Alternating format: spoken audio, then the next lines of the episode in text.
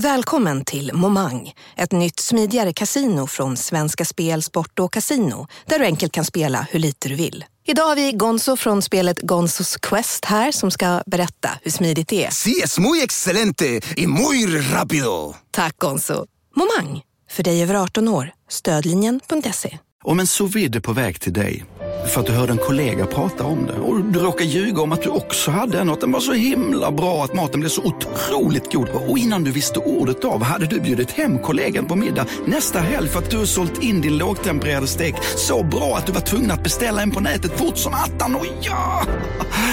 Då finns det i alla fall flera smarta sätt att beställa hem din sous vide på. Som till våra paketboxar, placerade på en plats nära dig och tillgängliga dygnet runt. Hälsningar Postnord.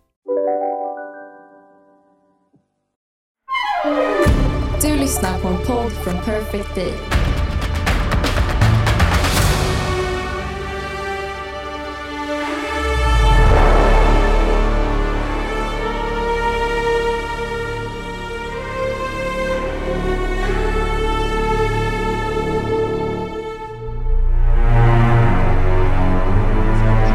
pour euh, notre ami euh, Filtor de la frappe de Benzema le but Bien bien, joué bien, bien. Qu'il est fort ce garçon, qu'il est fort Benzema, du pied gauche dans la surface de réparation.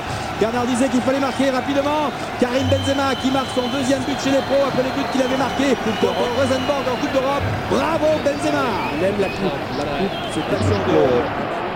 Benzema, four now. Ruud van Nistelrooy sets up Karim Benzema for his first official goal for Real Madrid.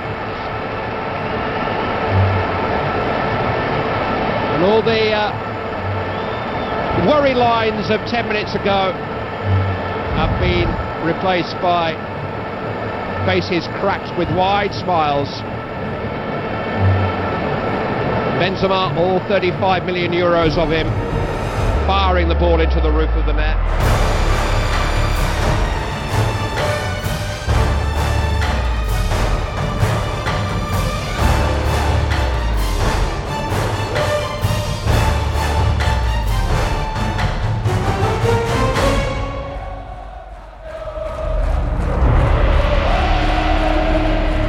Dagens spelare har vunnit i princip allt han har fått tillåtelse att vinna. Han har en karriär som nästan ingen annan. Han har tagit sig från gettot till den absoluta toppen.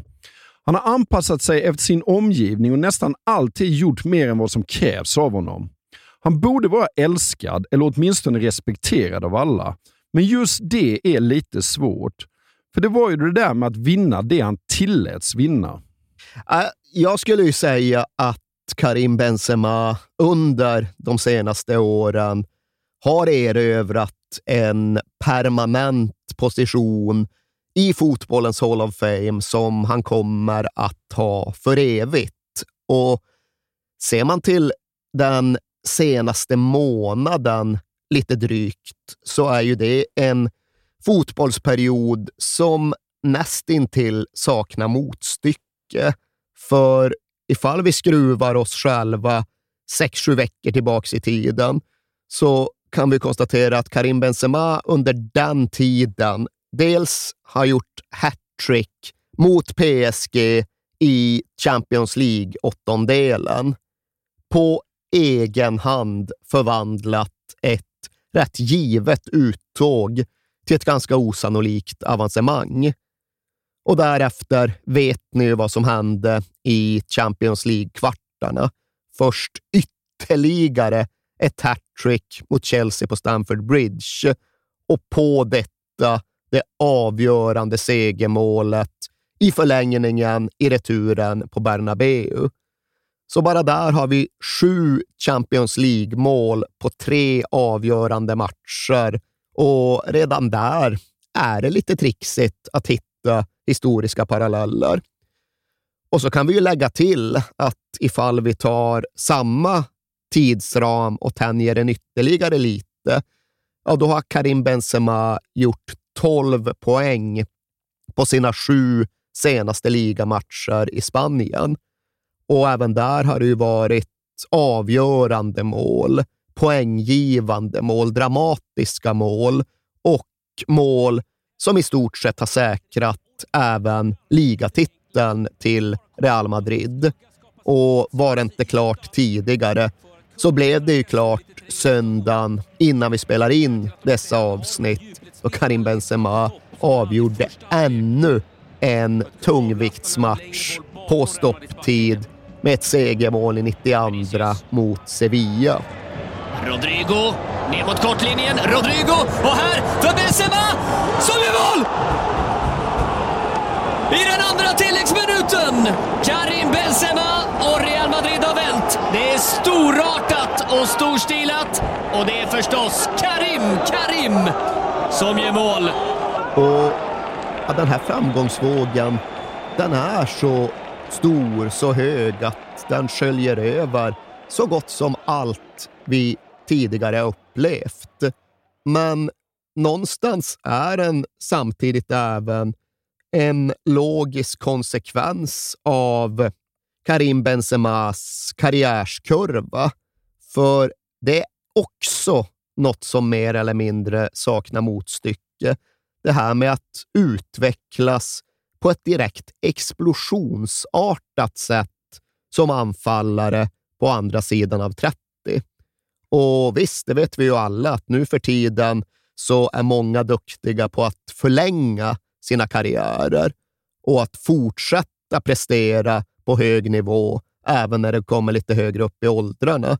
Vi kan prata om Zlatan Ibrahimovic, vi kan prata om Cristiano Ronaldo, men det är ändå något annat än det Karim Benzema har lyckats med. För vid sin 30-årsdag uppfattades han ju alltjämt som en väldigt skicklig elitspelare av hög internationell klass, men lika fullt ändå som en i mängden. Men därifrån gick han inledningsvis till att bli en av världens allra bästa spelare under säsongen då han var 30-31 år gammal. Och därefter har han ju fortsatt att bara bli bättre och bättre och bättre. Och precis just här och nu, under den andra halvan av april 2022, så går det knappt ens att argumentera för att det finns någon bättre spelare i världen. Och det där är en färskvara. Det händer grejer med Champions League och sen ska det spelas ett VM och det är långt ifrån säkert att Karim Benzema vinner Ballon d'Or 2022. Men det framstår som väldigt troligt. Och här, just precis här och just precis nu, så är det Karim Benzema som sitter allra högst upp på tronen. Och den här ovanliga karriärskurvan, den här sällsynta utvecklingen, ja, men den innebär också att hans historia faktiskt är förhållandevis oberättad. För tar vi en Leo Messi eller en Cristiano Ronaldo så visste vi ju allt om dem innan de hade fyllt 25. Så är det inte med Karim Benzema. Honom vet vi jämförelsevis lite om. Och det tänkte vi då ta några timmar åt att försöka råda bot på. Ja. Och var börjar, var börjar historien om Karim Benzema då? Ja, oftast är det nästan lättare med ett var än ett när, när vi pratar om enskilda spelare. För det är klart att det inte bara är tillräckligt att peka på ett eh, födelsebevis och säga att eh, där började livet. Ah, nej, livet det sträcker sig tillbaka över generationerna och ut över kontinenterna. Och historien om Karim Benzema, den får vi allt lov att påbörja i en liten by som heter typ Tigert. Och då är vi då i Algeriet, eller i Kabylien för att vara riktigt precisa. Och Kabylien är en väldigt liten del av ett väldigt stort Algeriet. Det är en liten bergig kustregion högst upp i norr. Men Kabylien är en av världens främsta grogrunder för fotbollsbegåvning. För drar du bara iväg ett par, tre mil från Tigert, alltså byn som Karim Benzema härstammar ifrån, ja, då kommer du till byn som Zinedine Zidane härstammar ifrån. Rätt bra jobbat. Ja, ifall du drar runt ytterligare lite grann i Kabylien med bil, vilket vi borde göra någon gång, så kan du även hälsa på i byn där Samir Nasris släkt kommer ifrån. Du kan dra förbi stället där Karim Ziani har sina rötter och du får som sagt ihop väldigt mycket fotbollsstamtavla på väldigt liten yta. Men även om det då är här rötterna står att hitta, så är det ju inte här dessa fantastiska fotbollsspelare har vuxit upp. För livet var ju inte enkelt i Algeriet under andra halvan av 1900-talet. Den så kallade Algeriet-revolten var ju egentligen ett självständighetskrig som till sist gav Algeriet frihet från den franska kolonialmakten, men som sannoliken även kostade vad gällde förutsättningar och livsvillkor under många, många årtionden. Och Karim Benzemas farfar, han var en av alla dem som kände sig tvingad att lämna hemlandet under Algerietrevolten och istället då göra den kanske framförallt mentalt komplicerade flytten till Frankrike.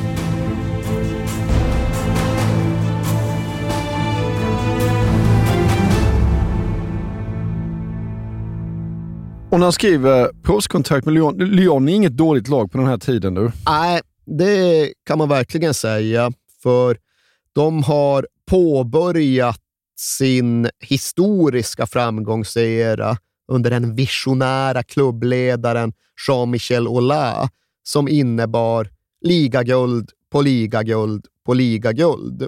De har vunnit tre raka då Karim Benzema får sitt första A-lagskontrakt. Och det är klart att det därmed inte är något jättelätt lag att bara valsa in i. Ja, men det är det ju inte, men han behöver inte stressa heller. Nej, alltså han är ju fortfarande väldigt ung Ja. och det innebär att det är okej att det tar sin tid. För han får debutera i januari 2005 mot Mets och då har han alltså precis fyllt 17. Ja. Och våren 2005 så spelar han, jag tror han har sex deltaganden. Han är med i sex matcher.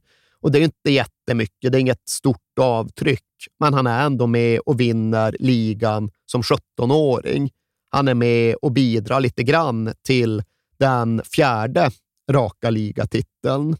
Och säsongen som följer därpå, den innebär väl egentligen inte heller det där riktigt stora genombrottet, men den innebär lite mer speltid.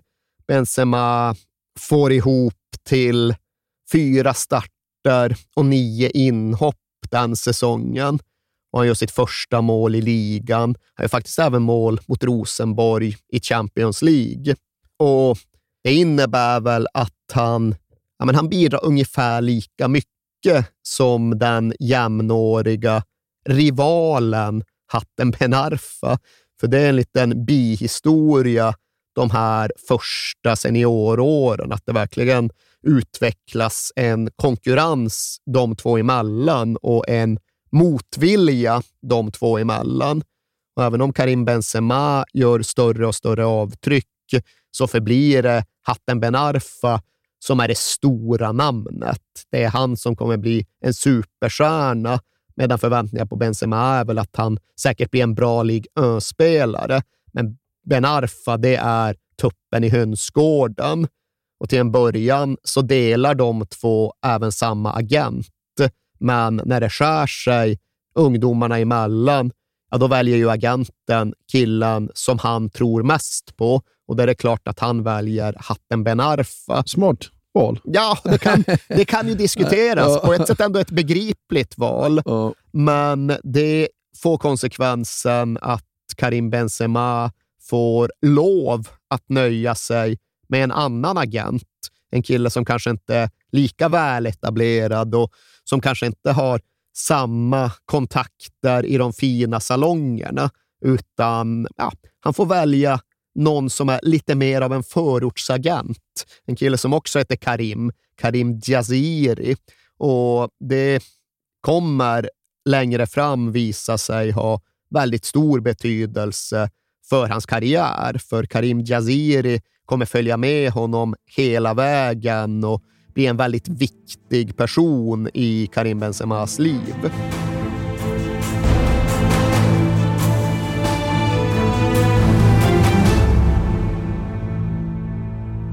Inför säsongen 07-08 så försvinner Malouda, Florian Malouda, Erik Abidal och Sylvain Vittord från klubben och han får helt plötsligt chansen va? Ja, alltså redan 2006-2007 har ju varit en, ett bra steg på vägen. För då är han semi-ordinarie i Lyons A-lag och då gör han fem mål och fem assist när Lyon vinner sin sjätte raka ligatitel. Men sen är det, precis som du är inne på, 2007-2008 som explosionen till sist kommer i det som då är Karim Benzemas fjärde A-lagssäsong. Så det har ju fått lov att ta sin tid, men när det nu är dags att gå in i en ny säsong så inser dåvarande managern Alain Perrin att Benzema helt enkelt är den bästa anfallaren han har i truppen. Och Det innebär ju att han kan vara ganska trygg med att släppa iväg en del spelare.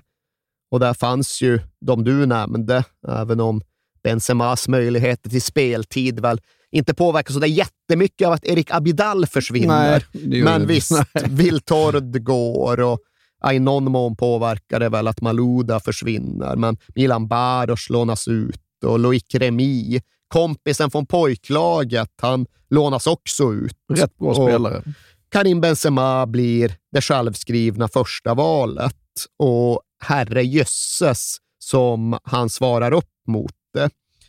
Och trots att han har tillhört A-lagstruppen under flera års tid så är han ju alltjämt bara 19 när säsongen inleds.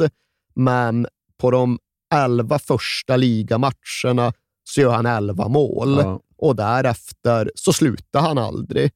Utan han gör totalt 31 mål säsongen 2007-2008 ifall vi väger in alla tävlingar. Och det som kanske framför allt är ögonfallande är ju att han gör alla olika typer av mål. Han sätter en vänsterkanon mot Mets och han lobbar in en höger mot Lorient och han gör en grym soloprestation mot Lans och han gör egentligen alla typer av mål förutom nickmål. För det är ju lite lustigt att titta tillbaka på idag då en ung Karim Benzema som egentligen då hade huvudspelet som sin enda tydliga svaghet. Allt annat behärskade han, men nicka kunde han i stort sett inte. Men det kunde väl vara hänt eftersom att han bevisligen behärskade så oerhört mycket annat. Han driver Olympique Lyon till både en sjunde ligatitel i följd och en cuptriumf. Och han gör därtill mål mot Man United i Champions League. Och det är ju det Man United som sen ska vinna turneringen. Det är Cristiano Ronaldo, Wayne Rooney och Just Carlos det. Tevez och ett extraordinärt Man United. Men Karim Benzema ger Lyon ledningen i första mötet och för någon halvtimme så får han till och med Manchester United att darra. Och då är det ju inte längre bara franska ögon som tittar, utan här vaknar såklart Europa. Här ser de en grabb som då nyss har fyllt 20, som får Rio Ferdinand och Nemanja Vidic att svaja, att känna sig obekväma. Och när den franska fotbollen har sin egen gala vid säsongsslutet, då är det liksom ingen diskussion om vem som ska utses till ligans allra bästa spelare, utan det är den här kometen från Lyon, Karim Benzema, 20 år gammal, som fick gå upp på scen och ta emot priset av Zinedine Zidane. Och han dedikerade det till sin familj och sina lagkamrater och såklart även sin stolsgranne på själva galan. Och vem var det? Det måste väl nästan varit Kim Källström? Va? Nej, det var inte Kim var Källström. inte Kim Källström? Nej, nej, nej. Kim Källström hade han spelat fotboll med, men här tog han ju med sig en kille som verkligen betydde något för honom och hans liv. Jaha. Här tog han ju med sig rapparen Roff. Jaha. rapparen Roff ska vi inte sitta här och skratta åt Nej, i sammanhanget, nej, nej. för han hade kommit att växa fram till en av de absolut viktigaste personerna som Karim Benzema hade runt sig. Och deras vänskap var några år gammal vid det här laget och hade fötts av att den här nya agenten som hade kommit in i Karim Benzemas karriär kände att grabben behövde bredda sig och behövde vidga sina vyer. För de två började då jobba ihop ganska kort efter att Benzema hade flyttat in på det där internatet och satt där och hade ett rätt litet liv som bara bestod av fotboll. Så då behöver han en gangsterrappare Han behöver någon typ av mentor och förebild, Ja. kände agenten. Ja.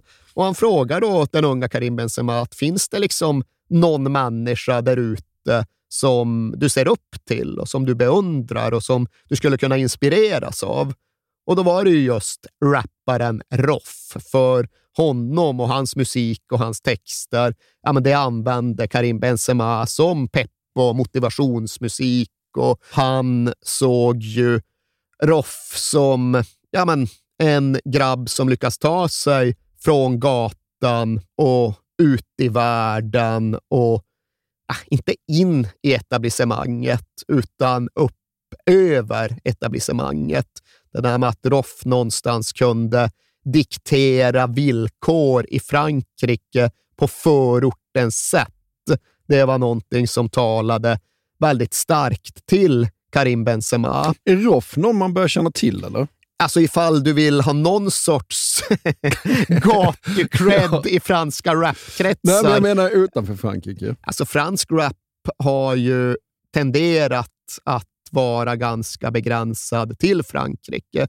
Det är klart att eftersom att det har varit en så stark jävla scen så har finsmakarna och konnässörerna sökt sig dit. Men det är ju inte så värst mycket rap som inte är engelskspråkig som blir global. Nej. Men jag ska nu inte heller sitta här och låtsas vara någon expert. Men fransk rap har väl länge haft väldigt stark ställning inom förortskulturen och inom hiphopkulturen. Och ifall du bryr dig på allvar så känner du nog till Roff. Men det är ju inte så att han är stor på svenska skolgårdar. Det har han aldrig varit. Nej. Men jättestor i Frankrike, jättestor i den subkulturen. Liksom en pionjär, en föregångare, en banbrytare.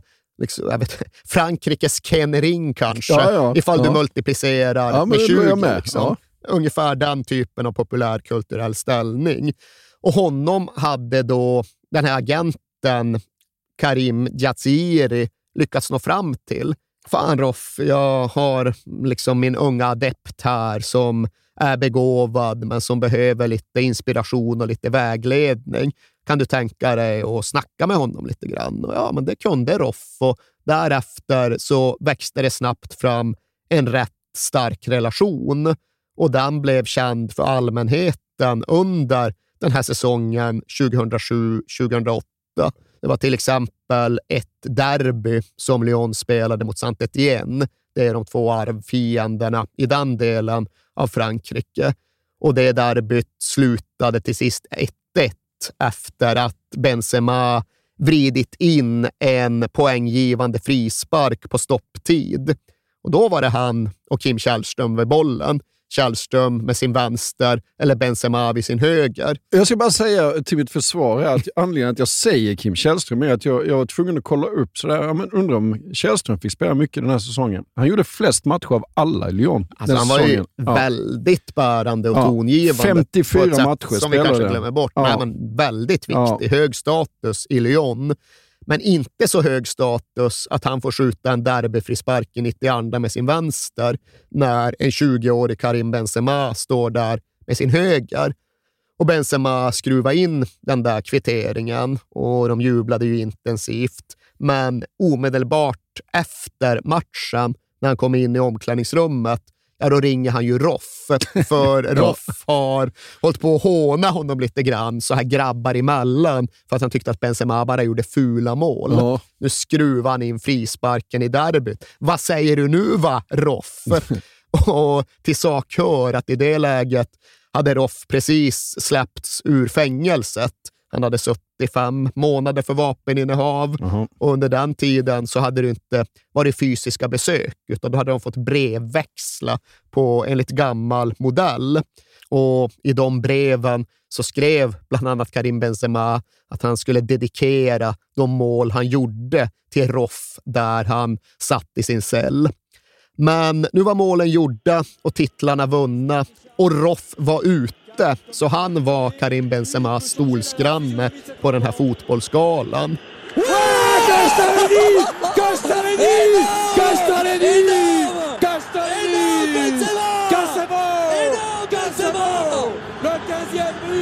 Il est important. Il marque ici à Geoffroy Guichard au bout du bout du temps. Kan väl säga också att han var ju han var ju i Ballon d'Or var han 26 det här året. Alltså han var ju uppe på den nivån ändå. Ja, alltså sagt ifall du stökar till det för ett Man United som är bäst i Europa så är det klart att du märks. Ja. Då, är det just, då har du brutit dig igenom den franska fotbollssfären och tagit dig upp på kontinental, på internationell nivå. Och allt detta lyckades då Benzema med under en enda säsong och han firade det med sin polare Roff och de två skulle bland annat även gemensamt pryda ett Esquire-omslag några månader senare. Och de tvinnades ihop väldigt tätt i folks medvetanden som två symboler för framgångsrik fransk förortskultur. Och jag tjatar inte inte om Roff bara för att jag tycker det är kul att säga Roff. Ja, men lite kul är det. Det är väldigt ja, kul att ja, säga Roff, ja. men jag tjatar om det eftersom att det kommer att bli väldigt signifikant för Karim Benzema. Det här med att han redan från början då kopplas ihop med Roff, kopplas ihop med förortskultur, kopplas ihop med hiphop-scenen och med tanke på hur central förortsdiskussionen varit för allt i Frankrike de senaste 20-25 åren så måste man ha det här klart för sig ifall man ska förstå hur Karim Benzema har kommit att uppfattas i Frankrike. Och Det här är liksom mycket starkare associationer och konnotationer än någonting som vi kan jämföra med i Sverige. Det har ju visserligen börjat bli så att även våra landslagsspelare är mer eller mindre tätt sammanflätade med förortskulturerna de kommit ifrån. De flesta vet väl att Robin Quaison är barndomsvän med Draylo, som ju nu i och för sig har slutat göra musik. Ja. Och några har säkert uppfattat att Dejan Kulusevski är kompis kompis med rapparen One Cuss. Men det är ändå mycket mer undanskymt och underordnat än det hade varit i Frankrike. För när Karim Benzema slår igenom och när han gör det med Roff vid sin sida, ja, då är det en stor del av den franska nationen som visserligen beundrar hans fotboll och uppskattar målen som han gör, men som samtidigt instinktivt också ryggar tillbaka och känner att aha, Han är en av dem som kommer ifrån och representerar parallellsamhället. En som inte hör hemma i det riktiga Frankrike.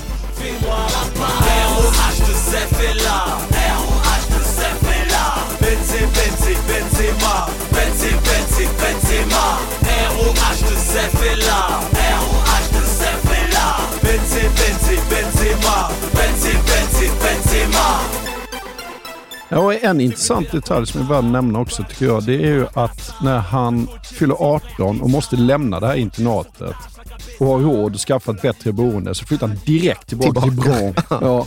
Ja, till sina, sina hoods. Liksom. Till sina hoods och sina homies och till de gator som ja, men fortfarande får honom att känna sig hemma.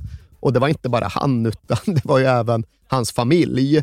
För eh, de köpte han ju med tiden ett hus till i en annan del av Lyon och de kände sig inte heller hemma där. Nej. Så de valde också att flytta tillbaks nästan direkt.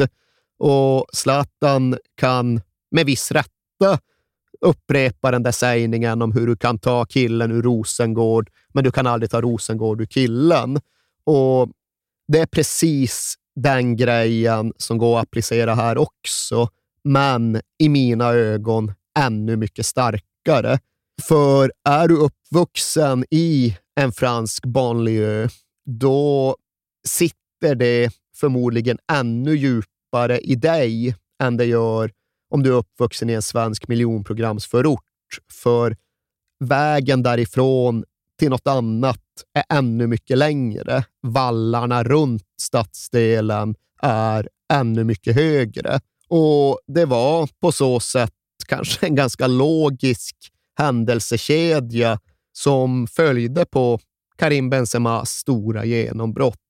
Han flyttade ut från internatet och brassade rakt hem till Bron.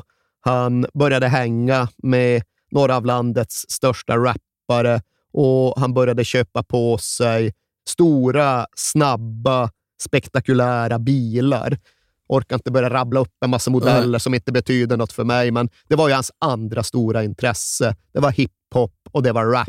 Ja. Och det var det som syntes när Karim Benzema inte spelade fotboll och Frankrike noterade.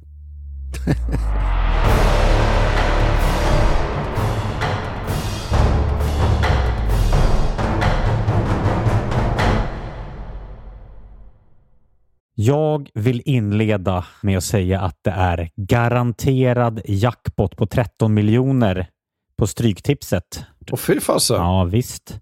Skulle du behöva 13 miljoner eller? Ja, det skulle jag verkligen. Men vi måste säga först att vi är ju sponsrade av Stryktipset. Ett spel från Svenska Spel, Sport och Casino för dig över 18 år. Yes, och stödlinjen.se finns där för dig om du har problem med ditt spelande. Nej, men 13 miljoner jackpot på Stryktipset, det är ju inte fel. Nej, då är det faktiskt dags att ladda en rejäl rad här känns det som. Mhm. Vet du vad som inte heller är fel? Nej. Födelsedagsfirandet och alla härliga Mm. historier vi får in. Exakt, Mm. för vi är ju mitt inne i Stryktipsets 90-årsfirande som vi firar med att läsa upp fantastiska historier från våra lyssnare Yes. som skickar in dem till kings at perfectdaymedia.se. Precis, bomba på nu. Det är åtta månader kvar på det här firandet, så att, eh, vi kör nu. Mycket Stryktipshistorier vill vi ha Mm. och i dagens har vi fått från Peter som skriver så här. Hej på er och tack för en helt otrolig podcast. Den har räddat mina veckor i snart fyra år. Tack så mycket Peter. Min historia är ganska färsk, men den om när det vände på stopptid gav kanske inte de största pengarna, men känslan i mig består. Jag spelar ofta för lite mindre pengar på Stryket, följer fotbollen men är långt ifrån en nörd. Och allt såg väldigt bra ut senast, förutom på min etta på Manchester United mot Brentford. Var ändå väldigt, eh, var ändå väldigt nöjd med hur resten satt. Men på stopptid satte min nya favoritspelare, skotten McTominay, två mål och vändningen fullbordades. 64 rader blev 12 000 kronor. Tack för en bra Det är podd. otroligt. Ja. Tack för en bra historia Peter. Ja, och som man älskar Scott McTominay. Gör man inte det? Ja, det, gör man faktiskt. Han- Han liksom kommer in i straffområdet jävligt bra faktiskt. Mm. Vi säger stort tack till våra vänner på Stryktipset. Tack.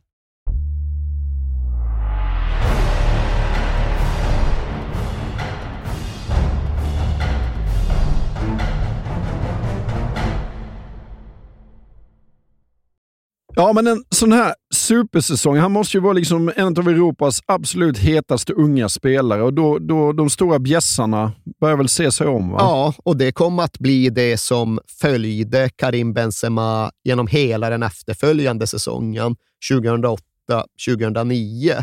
Och det hann inte gå så där jättemånga månader innan det avtäcktes något klipp som grävts upp av algerisk television där en ung Karim Benzema förkunnade att han en dag skulle spela för Real Madrid. För det var klubben som han hade fastnat för och följt ända sedan Champions League-finalen 1998. Det var liksom det han drömde om. Och han gjorde också en intervju med fransk tv ganska tidigt den här säsongen då han antydde att han säsongen därefter skulle spela i antingen Real Madrid eller FC Barcelona. Och Barcelona var väl längst fram? Barcelona var väl längst fram när det gällde att ta tidig kontakt med klubb och spelarens entourage. Men de kunde trots detta inte riktigt ta sig förbi och fram i kön för Karim Benzema drogs emotionellt mot Madrid. Och inom Olympique Lyonnais så var det ju välkänt att grabben älskade Real Madrid. När han precis hade börjat spela för A-laget och fått börja följa med på Champions League-matcher, då mötte Lyon Real Madrid på Bernabeu, men Benzema blev skadad och kunde inte följa med. Och till och med presidenten Jean-Michel Aulas förstod ju att det här var ett jättestort slag för den stackars grabben. Så han ville ändå se till att muntra upp honom med en snygg liten gest. Så bredvid Florentino Perez på hedersläktaren så bad han helt enkelt om en tjänst. Fan, vi har en grabb som är skadad där hemma och som har Ronaldo, ja, Brasse Ronaldo, som sin absolut största idol. Kan du inte ordna en signerad matchtröja från Ronaldo till den här killen som heter Karim.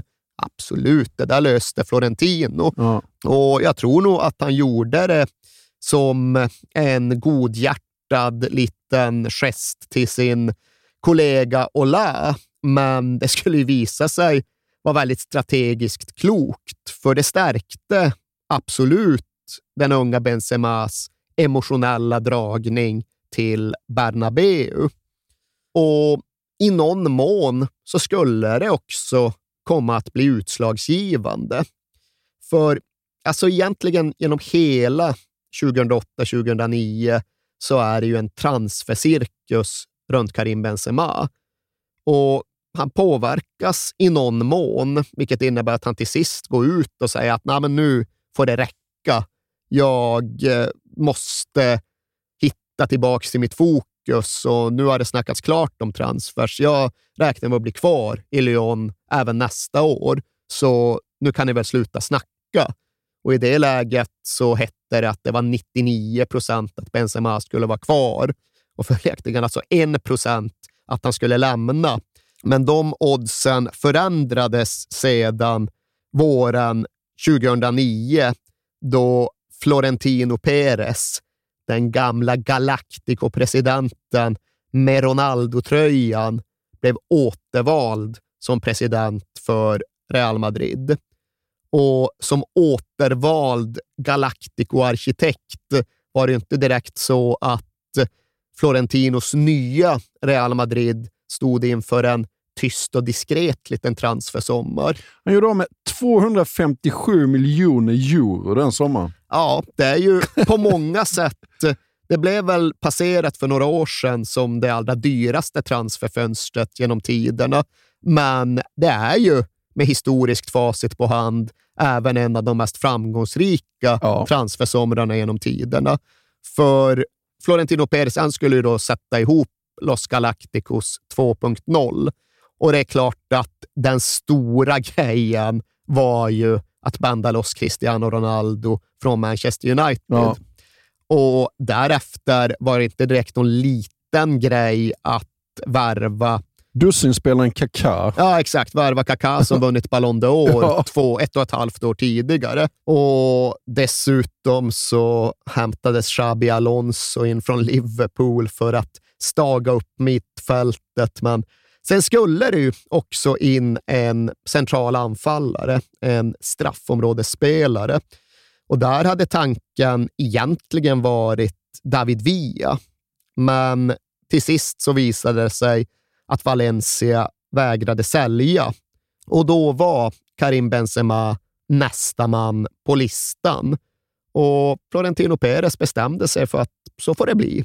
Och när Florentino Perez bestämmer sig så tenderar det även att bli på det Real Madrid will sättet. honest enough with themselves to say this was flawed. Benzema, four now. Ruud van Nistelrooy sets up Karim Benzema for his first official goal for Real Madrid. And all the uh, worry lines of 10 minutes ago have been replaced by faces cracked with wide smiles. Benzema, all 35 million euros of him, firing the ball into the roof of the net. Men i Real Madrid så sker en ganska stor förändring den här sommaren. Ja, när José Mourinho tar över som tränare så tenderar det att innebära ganska genomgripande förändringar för en fotbollsklubb. Och det kan verkligen även påverka utgångsläget för specifika spelare. Och när Mourinho kom till Madrid så försökte han till en början motivera Karim Benzema med ett av de retoriska knep som han har överanvänt bortom utnötningens alla gränser. För så verkar det vara varje gång han kommer till en ny klubb.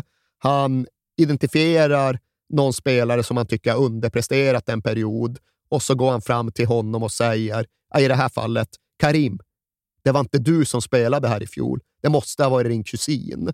Och den där kör han aldrig, liksom, kommer till Tottenham. Dele, Dele Alli. Nej, det kan inte ha varit du som spelade förra säsongen. Det måste ha varit din brorsa. Ja. Nu vill jag se den riktiga Dele Alli. Den det- riktiga Karim Det fick ju Benzema. väldigt bra resultat också. Ja, alltså grejen med Mourinho var ju också att även om man då försökte motivera Benzema med något, jag vet inte om det, jag vet inte om det är morot eller piska det där, så formulerade han sig på ett sätt utåt som tydliggjorde att hans förtroende för fransmannen var lågt. Ja, hur tänker du kring din forwardsbesättning och Karim Benzemas möjligheter att få kontinuerlig speltid? Frågan om på en presskonferens. Ah, jag behöver en anfallare som inte är apatisk. Och det är ett ganska värderande omdöme. Men var det inte nu han drog den här katt och Ja, hund-liknelsen den också? kommer lite senare, för in i säsongen så får Benzema ofta inte spela överhuvudtaget. Någon gång får han en möjlighet som vänsterytter och till sist får han i alla fall en chans att spela center mot lilla Murcia i Copa del Rey. Och även då så föregriper Mourinho matchen med att mer eller mindre måla ut det som nu eller aldrig. Kan du inte spela bra mot ett tredje divisionslag så bevisar det bara att du inte är bra nog för Real Madrid. Så det kändes som kniven mot strupen för Benzema och han är mållös och rätt blek och blir utbytt efter en timme. Och dagen efter den här cupmatchen, ja, då har Marca, alltså den enormt inflytelserika sporttidningen i Madrid, bara en bild på Benzema på första sidan och rubriken “Esta muerte”. Alltså, Mm. han är död. Ja. Det åsyftar ju då hans karriär i Real Madrid snarare än någonting annat. hårda boliner. Ja, det får man ju säga. Och sen blir i och för sig Gonzalo Higuain skadad lite senare in på hösten. Och Det innebär att Karim Benzema faktiskt får chansen att spela El Clasico igen. Och vilken jättematch det är den här gången. José Mourinho tillbaka i det Barcelona där han en gång började som tränare. Hans första El Clasico på Camp Nou. Du kan ju förstå hur uppumpad Mourinho var. Ja. Och när sen laget går att förlora med 5-0, Ja. när det blir La Manita på Camp Nou och Benzema har varit likblek, så inser du ju att gladare blir ju inte portugisen på sidlinjen i alla Nej, fall. 13 gula och ett rött i den matchen. Det ja, det var, det var på den tiden det var Ja. tryck i den rivaliteten, på gott och ont. Men det är då här efter någonstans, när vi börjar vara framme i december och det blir tydligt att Gonzalo Higuain dras med lite efterhängsna skadeproblem som den där metaforen som du refererade Ja. till aktualiseras av Mourinho. Och, ja, vill du dra den?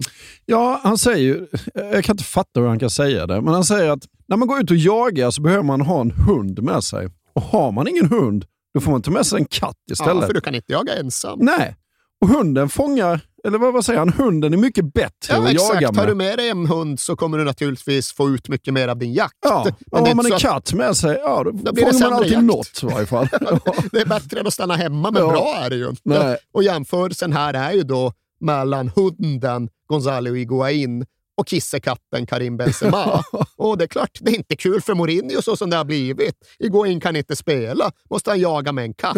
Men stackars José, ja nu måste han ändå liksom nedlåta sig till detta, för han kan ju inte bara stanna hemma och skita i att spela några fotbollsmatcher. Stackars Benzema. Ja, det, det är tough love, Ja. det får man säga. Eller ja, det är ingen love överhuvudtaget.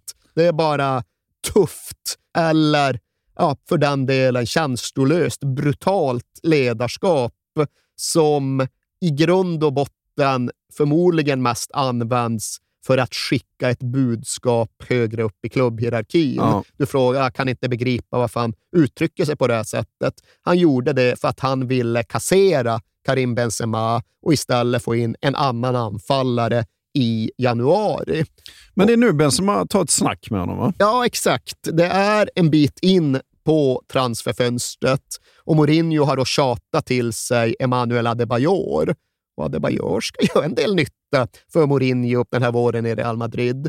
Men det är ju även då de veckor då det måste beslutas om Karim Benzema ska vara kvar i Mourinhos Real Madrid eller om han ska packa och dra så snabbt som det någonsin är möjligt. Och förmodligen hade han gjort det ifall det inte hade varit för stödet från Florentino Perez.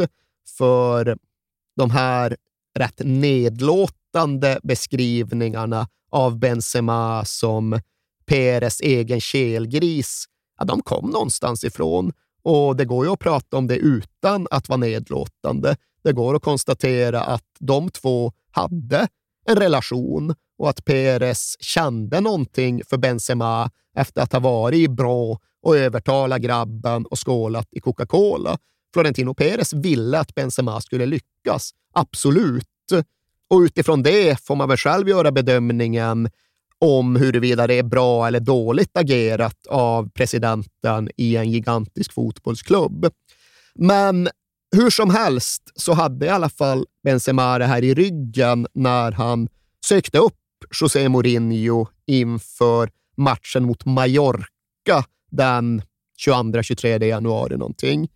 Han kände ju att hans president ville ha kvar honom i klubben, men han kände kanske ännu starkare att hans tränare ville ha bort honom. Så han bestämde sig rätt och slätt för att kräva ett möte för att få klarhet. Och det mötet ska ju ha varit rättframt. Karim Benzema ska ha kommit ut ur sitt skal och sin snäcka och ställt raka frågor för raka svar. Hur är det coach? Vill du ha bort mig? Eller kan jag göra någonting för att få ditt förtroende? I så fall vad? Hur ska jag agera? Hur ska jag spela? Vad begär du egentligen av mig? Finns det någon väg tillbaka eller är bron redan bränd? Och försäkringen han då får från Mourinho är att bron inte alls är bränd. Hur kan du tro något sånt, Karim? Jag förstår inte vart du får en sån uppfattning ifrån. Nej, nej, du ska få starta här mot Mallorca och ifall du bara presterar bra så kommer du fortsätta få speltid och förtroende. Och här kommer någon liten vändning på Karim Benzemas tid i Real Madrid för nu börjar ändå kissekatten bita ifrån sig lite grann. Nu är det klös i klorna, för Benzema gör mål dagen efter det här mötet mot Mallorca. Och sen avgör han Copa del Rey-semin i Sevilla. Och sen gör han mål mot Levante. Och därpå får han chansen när det är dags för repris på Champions League-mötena mot gamla fina Olympic Lyonnais. Och nu sjutton han mål både hemma och borta. Och det är en period här då han därtill gör sju mål på fyra ligamatcher. Så Karim Benzema får verkligen upp farten här i början av våren 2011. Och det går väl att påstå att Mourinho har visat sin mästerklass, för här har han då lyckats aktivera den tidigare ganska apatiska Karim Benzema. Ja. Nu pratar Benzema om hur han minsann inte alls är en katt utan ett lejon. Och kanske var det precis den effekten som Mourinho eftersträvade. Men sen går Benzema och blir skadad i en landskamp mellan Frankrike och Kroatien. Och även om han kommer tillbaka i spel rätt snabbt så är någonstans momentumet brutet. Han tappar fart in i säsongens slutfas när säsongen kulminerar, på vissa sätt när hela den jävla europeiska fotbollshistorien kulminerar med fyra avgörande matcher på väldigt kort tid mellan Mourinhos Real Madrid och Pep Guardiolas FC Barcelona, ja, då är Karim Benzema marginaliserad igen. Han får inte en minuts speltid i någon av Champions League-matcherna. Han får inte en minuts speltid i Copa del Rey-finalen och han får visserligen en sorts kompensationsstart i det ligamöte som faktiskt uppfattades som det minst viktiga av de här fyra. Men även där blev han utbytt efter mindre än en timme. Så in i sommaren 2012 var det väl lite både och. Han gör ändå 26 mål i alla turnéer, eller eh, totalt under säsongen. Det är inte så. Han är tvåa efter Ronaldo som i och för sig är 53. ja, han, han gör en del. Ja. Jo, nej, men det finns grejer han har gjort bra och han har visat upp en bättre sida än någonsin tidigare i Real Madrid. Men när det väl gällde så hade han inte José Mourinhos förtroende. Vad skulle det innebära för hans framtid i klubben? Det var ändå rätt otydligt in i sommaren 2011, skulle jag vilja påstå. Men det är ändå en liksom, mognare och mer utmaningsvillig Karim Benzema som har börjat växa fram, snarare än att bara krympa ihop och sluta sig när det ser tufft ut, så väljer han att anstränga sig, att verkligen försöka att visa sig från sin allra bästa sida. Så han kör hårt genom sommaren 2011. Är det nu han åker till Italien eller? Äh, med Zidans dietist ja. eller? Ja, exakt. Han börjar använda sig av någon kostrådgivare som jag tror han blir rekommenderad just genom Zinedine Zidane. Ja. Och det får då den omedelbara följden att han går från 89 kilo till 82 kilo. Ja. Och även det här är ju en sån där grej som man kan tycka att ifall vi har en anfallare vars eh, idealvikt är mycket närmare 82 än 89 kilo, borde inte Real Madrids egen stab se till att han ja. håller sig någonstans runt 82? Han åkte till Merano en vecka och sen så bara pang. Kommer han tillbaks och är slim och smärt och flyger in i nästkommande säsong. En rivstart som kanske bäst illustreras av att han gör mål efter 22 sekunder mot FC Barcelona i höstklassikon. Och det var i alla fall då. Jag förutsätter att det fortfarande är det snabbaste mål som någonsin gjorts i en El Clasico. Och det här är ju då han ja, men till sist passerar sin egen rekordnotering. För fram till och med nu så hade man fått lov att acceptera att hans bästa säsong hade varit 2007-2008. Ja. Men nu blir det än en gång dags att dra och ta emot priser med Roff. Nu blir han inbjuden till de här galorna igen. Nu blir han utsedd till Frankrikes allra bästa spelare och han kommer för första gången topp 20 i Ballon d'Or-omröstningen. Och han går om Zinedine Zidane vad gäller gjorda mål för Real Madrid. För även 2011-2012 blir en produktiv säsong och han är inte lagets största stjärna. Han är inte helt given i elvan, men han gör ändå 32 mål i alla tävlingar. Och 19 assist. När Real Madrid tar tillbaka ligatiteln. Och som du säger, det är 19 assist och det är några riktigt spektakulära mål. Det är en volley mot Osasuna i Pamplona som får folk att jämföra med Marco van Basten 88 och så vidare och så vidare.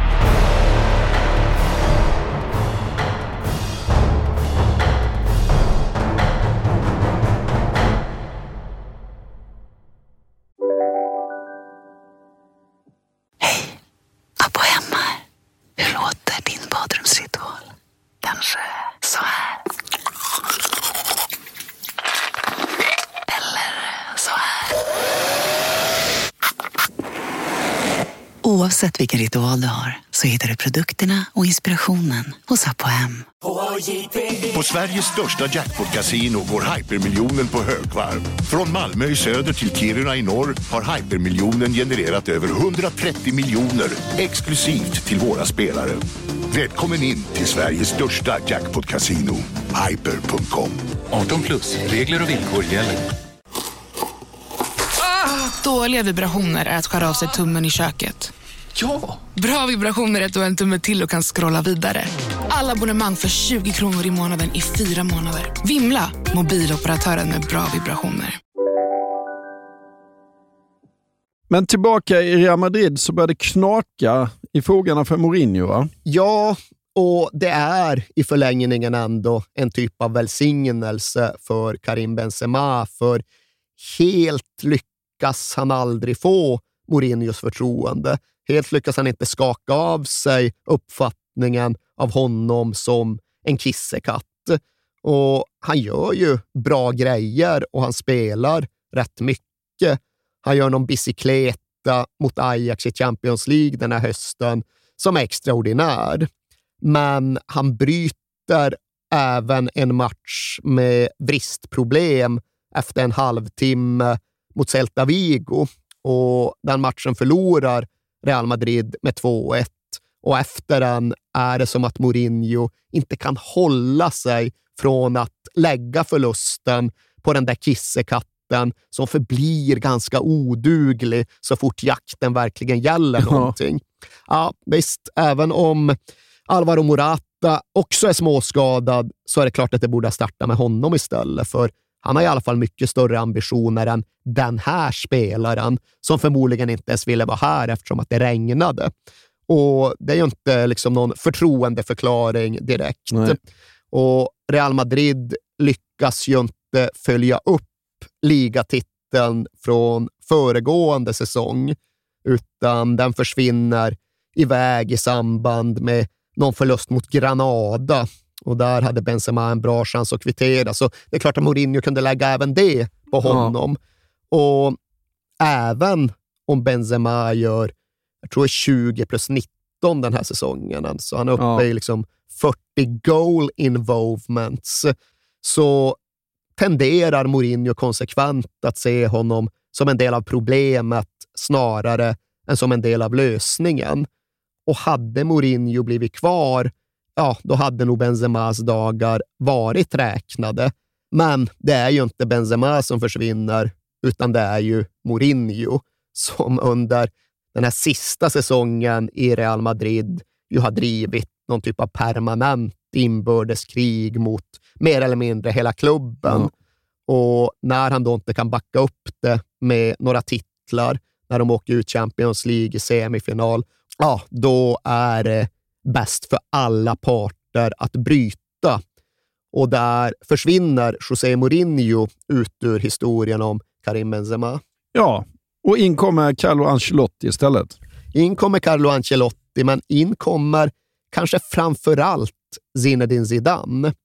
För de två har ju alltid haft mycket gemensamt sett till sina livsbanor och sina ursprung. Som sagt, härstammande från byar i Kabylien som bara ligger några mil ifrån varandra och sedan ställda inför många gemensamma problem som andra och tredje generationens nordafrikanska invandrare i Frankrike behövt möta. Men fram till och med nu har de egentligen inte haft någon relation och utåt har det också uppfattats som att skillnaderna mellan dem har varit tydligare än likheterna. För ja, där då Benzema kopplas ihop med den framväxande förortskulturen så starkt har Zidane ja, men egentligen politiskt alltid sett som men ganska harmlös från det etablerade Frankrike. Ja, han sjöng inte heller med i nationalsången. Nej, men det blev ju aldrig Nej. en lika stor diskussion. Och Det har främst att göra med att det politiska debattklimatet inte var lika upptrissat och inflammerat. Nej. Men in i en ny säsong så finns det redan från början en kraftig förtroendeförklaring i Karim Benzemas rygg. För till sist så säljer klubben Gonzalo Higuain till Napoli snarare än att sälja Karim Benzema till något Arsenal eller vad det nu hade blivit. Och Många fans blir upprört indignerade för att de är kvar i det här att ja, Benzema skyddas alltid av Florentino medan Iguain behöver klara sig själv. Och Det här får konsekvensen att även en ordinarie Karim Benzema blir stundtals hårt kritiserad under upptakten till 2013-2014. Han gör mål i premiären mot Betis, men missar sen några klara lägen och blir utvisslad när han väl blir utbytt. Och sen är det någon match mot Getafe då han också missar några klara lägen och då blir han verkligen utvisslad tydligt under pågående match. Och Ultrasur sjunger istället om Alvaro Morata, den mer egna spelaren som skulle kunna ersätta Benzema. Men samtidigt som han möts av detta så blir han ja, men egentligen för första gången i sin karriär, eller i alla fall för första gången sedan han flyttade till Madrid, även offentligt försvarad av en auktoritet med tyngd och trovärdighet. För Zinedine Zidane säger inte så där jättemycket och han pratar inte så där jätteofta, i synnerhet inte på den här tiden då han var ASS-tränare till Ancelotti. Men när han väl yttrar sig så börjar han allt oftare och allt tydligare försvara Karim Benzema och han försöker någonstans liksom undervisa en generell fotbollspublik om vad de inte förstår med den här anfallaren.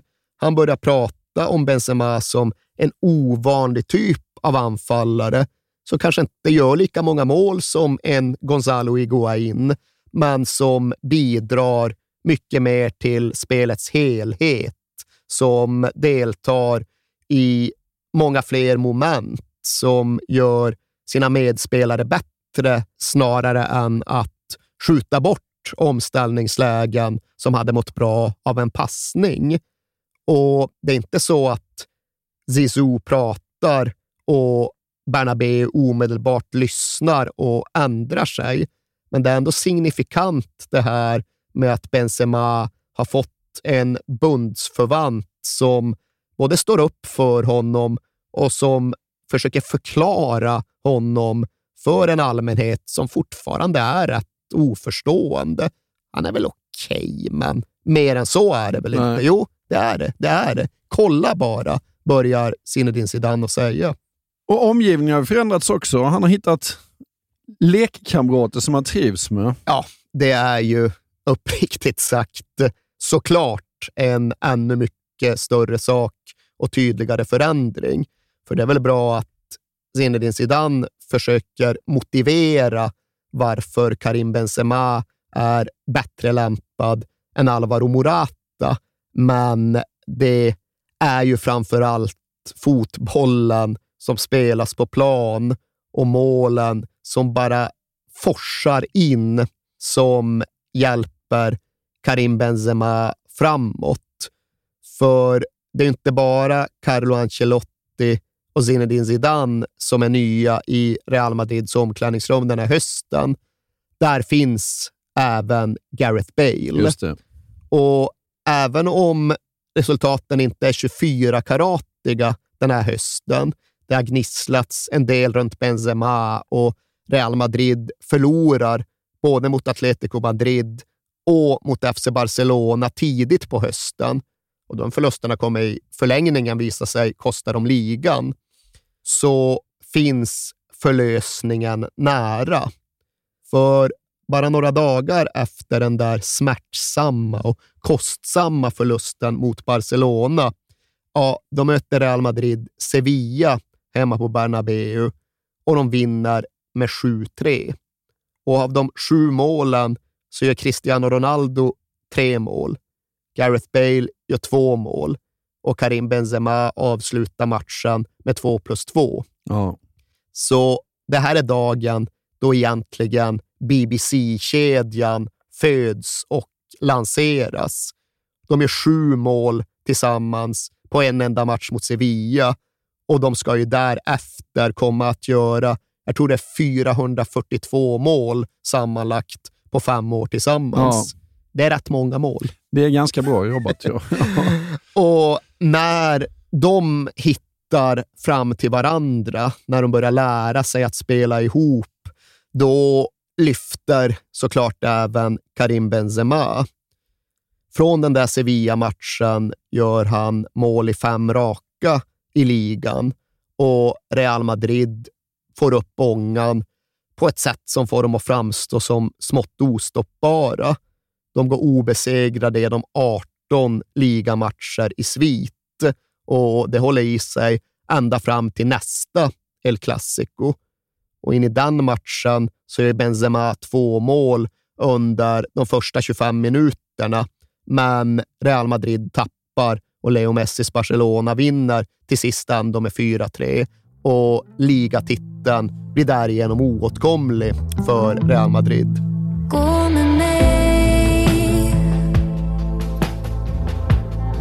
Bakom skuggor ser du solen.